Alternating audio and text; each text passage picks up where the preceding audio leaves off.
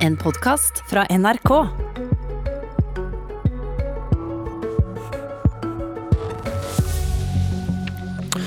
Hvorfor skal stortingsrepresentantene få vaksine før lærerne? spør 121 kommuneoverleger i et opprop. Hva er grunnen til at friske folkevalgte skal gå foran personer med risikofaktorer i vaksinekøen? Disse kommuneoverlegene kunne trengt en praktisk time samfunnsfag, svarer Snorre Valen i Nidaros, og skriver videre dette er en form for godt destillert populisme vi trenger mindre ikke mer av. Vi har dessverre ikke en time, kun et politisk kvarter, som også får besøk av to av de nevnte stortingsrepresentantene. Men de skal diskutere om det er autoritært med høy skatt på formuer som flyttes ut av Norge. Men vi starter med pinsens store politiske debatt. Er det greit at storting og regjering nå rykker fram i vaksinekøen? I morgen og torsdag blir stortingsrepresentantene, de som har takket ja, vaksinert. God morgen, kommuneoverlege i Vang, Marit Tuv. Barn. I et opprop i VG så svarer du og 121 andre kommuneoverleger nei, det er ikke greit. Hvorfor er det ikke greit? Det er ikke greit fordi vi fortsatt har knapphet på vaksiner i Norge. Eh, vi har veldig mange yrkesgrupper i Norge som gjør en viktig jobb. De er ikke vaksinert, med unntak av eh, helsepersonell. Eh, og det er kun kritisk helsepersonell som er vaksinert, altså de som har oppgaver som vanskelig kan, som vanskelig kan gjøres til noen andre. Stortingspolitikerne de har en vara som kan steppe inn ved behov. Og det er mange andre yrkesgrupper som bør gå foran deg hvis vi skal begynne å prioritere på bakgrunn av noe annet enn det som har vært strategien hele tida. Og strategien er da at vi skal vaksinere for å hindre sykdom og død. Ok, det er forstemmende å se hvor billig retorikk over 100 kommuneoverleger er villig til å ta i bruk, skrev du som svar på dette, politisk redaktør i Nidaros, Snorre Valen. Populistisk er det visst også? Ja, jeg skrev dette svar på oppropet som sto på trykk i VG. og Det er fordi eh, det ganske enkelt er sånn at vi ikke akkurat har hatt demokratisk overskudd eh, så langt i denne krisa. Eh, det jeg reagerer på er ikke at kommuneoverlegene reagerer på denne prioriteringa. Jeg skriver sjøl at jeg tror dette er et ganske veritabelt sjølmål av Erna Solberg og regjeringa. Men at man ser seg nødt til å argumentere mot det som faktisk er en av årets aller aller viktigste hendelser for oss alle, nemlig valgkamp. Som om det var en slags form for ferie og hygge og noe vi bare kan gjennomføre på et Teams-møte. Og Sånn er det faktisk ikke. for en av utfordringene av mange vi har måttet leve med det siste året, det er at sivilsamfunnet og demokratiet vårt har gått på lavbluss. Det har vi flere triste eksempler på. Eh, og når man argumenterer som om det er noen vaksiner til storting og høyesterett og regjering som står i veien for at f.eks. alt helsepersonell er prioritert, så syns jeg det bærer galt av sted. Eh, det er jo vaksinestrategien i sin helhet, sånn som den har fungert til nå, som fører til at det er sånn. Og Det syns jeg er en viktig diskusjon, men det er en litt annen diskusjon enn når man skal sikre at eh, de mest sentrale samfunnsfunksjonene våre kan fungere også eh, i en krise vi alle håper ikke skulle oppstå. Du anklages for populisme, Tuv? Ja, det her er ikke populisme. Det her er å følge de retningslinjene som er satt fra Folkehelseinstituttet. Folkehelseinstituttet har ikke anbefalt at eh, stortingspolitikerne skal vaksineres. Eh, strategien er fortsatt å vaksinere for å hindre sykdom og død. Men han eh, argumenterer vel her for at du setter to grupper opp mot hverandre som ikke skal settes opp mot hverandre? Eh, ja, da, til det så vil jeg da understreke at det fortsatt er mange risikopasienter i Norge som ikke er vaksinert. Det er fortsatt helsepersonell som ikke er vaksinert. Det er fortsatt helsepersonell på sykehusene i Oslo som ikke, ikke er fullvaksinerte. Eh, det betyr at hvis helsepersonellet havner i karantene, så er det fortsatt pasienter som da vil oppleve at timeavtalen deres blir utsatt. Eh, og Jeg syns ikke det er greit. Jeg synes at de prioriteringene som nå som gjøres, de skal gjøres på bakgrunn av uh, faglige vurderinger. Og det her er ikke faglig, det her er strategisk. Valen? Ja, uh, Jeg tror ikke det her er veldig strategisk av regjeringa. Jeg tror tvert imot det gjør seg rimelig upopulær på å ha bestemt uh, akkurat det her. Men det er en interessant og viktig diskusjon, det her. For det er jo faktisk ikke sånn at pandemihåndteringa eller vurderinga av hvem som skal prioriteres til enhver tid, ikke bare når det gjelder vaksine, kun er et faglig spørsmål. Det er faktisk også et politisk spørsmål som regjeringa har det siste ansvaret for, og ikke fagetatene.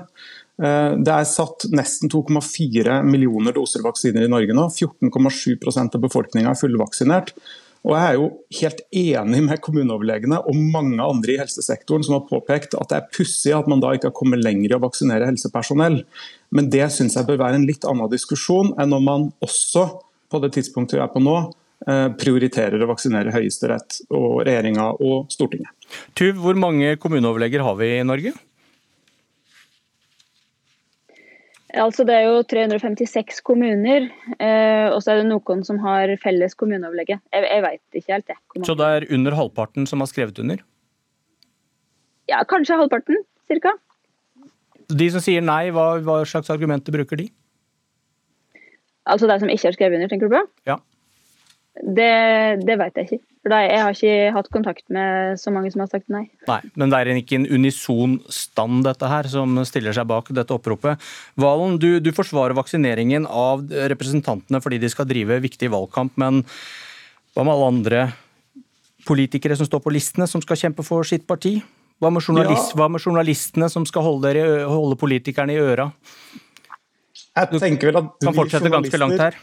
Ja, jeg tenker vel at vi journalister kan, kan eh, vente fint, vi. Um, jeg syns ikke det er et så absurd argument som enkelte skal ha det til å vaksinere f.eks. førstekandidatene. der, det må jeg innrømme, og så er jeg glad for at akkurat det ikke er min beslutning. Men, men, det er jo et interessant spørsmål du stiller. for nettopp Når man begynner å sette ulike grupper opp mot hverandre, så bør man i det minste sørge for at det er en reell prioriteringsdiskusjon. Uh, og Regjeringa kan fint prioritere bort å vaksinere Høyesterett, regjering og storting nå. Men det er ikke det som sørger for at vi får vaksinert alt av lærere, eller barnehageansatte eller helsepersonell. I så fall så er det andre omprioriteringer som må gjøres. Og Det er omprioriteringer jeg tror jeg også ville vært enig i. Eh, men det er som sagt en annen diskusjon. Eh, og jeg syns man bør gå inn i den diskusjonen uten å, uh, uten å redusere demokratiet i et valgår i en krise som noe vi liksom ikke bør unne oss siden sykdommen herjer. Det har vi sett flere tegn på det siste året. og Jeg vil slå et slag for et så fungerende lokal- og nasjonaldemokrati som overhodet mulig akkurat i år. Nettopp fordi det er pandemi. Ok, Takk Snorre Valen, og takk til deg også, Marit Tuv.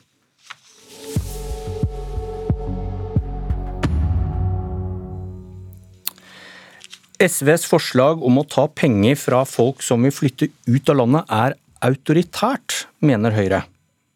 SV-leder Audun Lysbakken, i Dagbladet lanserte du et forslag om en exit-skatt på formuer som flyttes ut av Norge, som var grunnen til at Høyre reagerte. Hva slags skatt er det dere vil ha?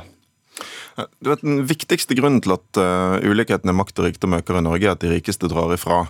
Uh, og Både for å få forskjellene ned, og for å kunne finansiere utbygging av velferden, gratis SFO, billigere tannbehandling, så vil vi øke skattene på store formuer og veldig høy arv. Og Det har jo da skapt en debatt hvor uh, si, enkelte talspersoner for overklassen i Norge, Sissener Hegnar f.eks., har reagert veldig veldig hardt og brukt dette argumentet hvor man truer med at det vil føre til, til stor utflytting av eh, store formuer hvis eh, venstresiden sin skattepolitikk blir eh, gjennomført. Bladet Kapital hadde også en undersøkelse som viste at en god del av de med de, altså at de svært rike i Norge kunne, kunne vurdere det. Og det det har ikke jeg tenkt å finne meg i, fordi uh, folk med lite som er utsatt for usosiale kutt under denne regjeringen, de kan ikke bare vende landet ryggen, de kan ikke bare flytte for å få det som de vil.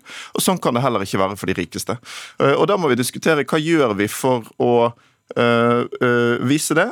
Og én måte å gjøre det på kan være å innføre det vi kaller en exit-skatt, som handler om at du må betale en solid del av den formuen du flytter ut, eh, i skatt hvis du blir skatteflyktning. Og Det vil være rimelig, rett og slett fordi eh, det er eh, det norske samfunnet og arbeidsfolk i Norge som i stor grad har bidratt til å skape disse verdiene. Hvis du flytter ut 100 millioner, hva er rimelig å dra inn fra statens side da?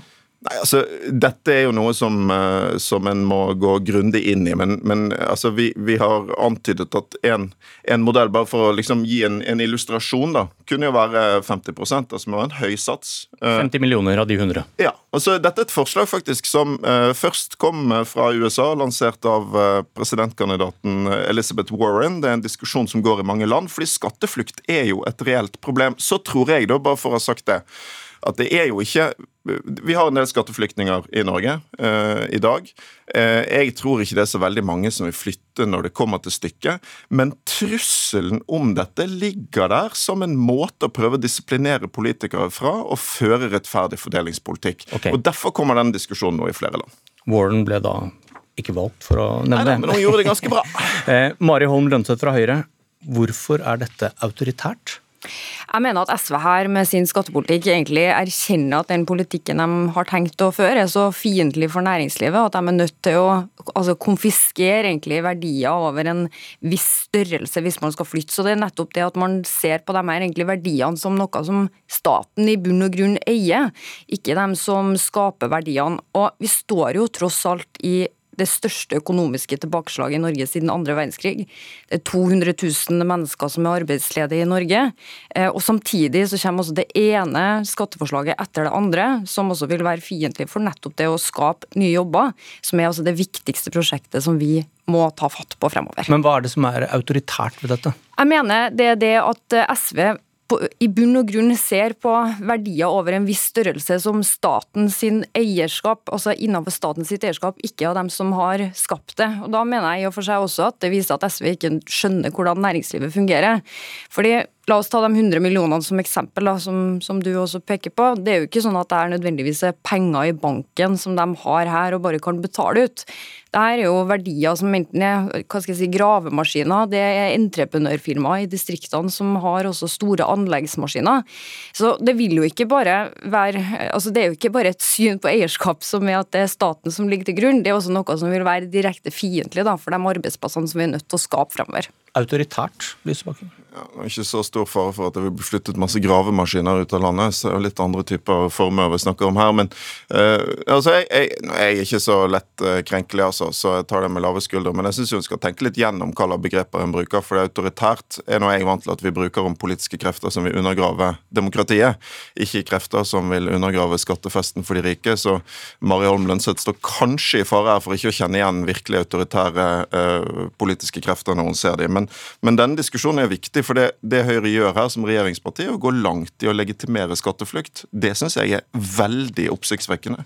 Uh, og uh, utgangspunktet her er jo ikke sant, denne ideen om uh, at Norge har et fryktelig skatteklima for de rikeste, eller at det vil bli det hvis venstresiden får makten. Sannheten er at sammenlignet med veldig mange andre vestlige land, så er skattleggingen av eiendom, formue og arv lav i Norge. Og likevel sånn som det er i dag, så har vi enkelte skatteflyktninger. Men dette er jo, eh, sant? Så det jeg hadde forventet med Høyre, er at de sier det som et regjeringsparti burde si. Alle i Norge må finne seg i den fordelingspolitikken man får med et nytt flertall. Eh, ikke stå her og legitimere skatteflukt på denne måten. Jeg legitimerer på ingen måte skatteflukt. Tvert imot så mener jeg at vi trenger en skattepolitikk som fører til at vi ikke får arbeidsplasser som må flytte ut av landet. Men da er jo ikke løsningen å gå for en skattepolitikk som SV sjøl vet og erkjenner at det er så dårlig at man må altså lage et system som gjør at man også ikke, ikke flytter ut. Det kan godt være at det ikke er gravemaskiner som flyttes ut av landet hvis det her er mennesker som velger å, å flytte pga.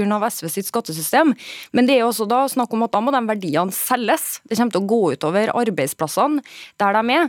Og Man kan jo også stille spørsmålet, siden Arbeiderpartiet har jo gang på gang også gått ut og avlyst SV sine skatteløfter, fordi at de har sagt at deres garanti om skatteøkning skal legges til grunn. Er det noe sånn eh, at man at, at SV også vil avlyse Ap sin garanti? Altså Denne undersøkelsen jeg viste til her, den handlet faktisk om Arbeiderpartiet sin eh, formuesskatteøkning. Eh, og de rikeste i Norge må bare finne seg i at skattene går opp på, eh, på store formuer, de største inntektene, skyhøy arv hvis venstresiden vinner. Og Det vi ser her er en ideologisk stor forskjell mellom Høyre og oss. Høyre tror at de rike skaper verdiene alene. Vi vet at de har blitt rike pga. Norge, ikke på tross av Norge. Pga. arbeidsfolk, pga. vår felles okay. infrastruktur, pga. vår velferd. Og da må de jammen betale tilbake til fellesskapet også. Takk Audun Lysbakken, takk Mari Holm Lønseth. Dette var Politisk kvarter, og jeg heter Bjørn Myklebust. Du har hørt en podkast fra NRK. Hør flere podkaster og din NRK-kanal i appen NRK Radio.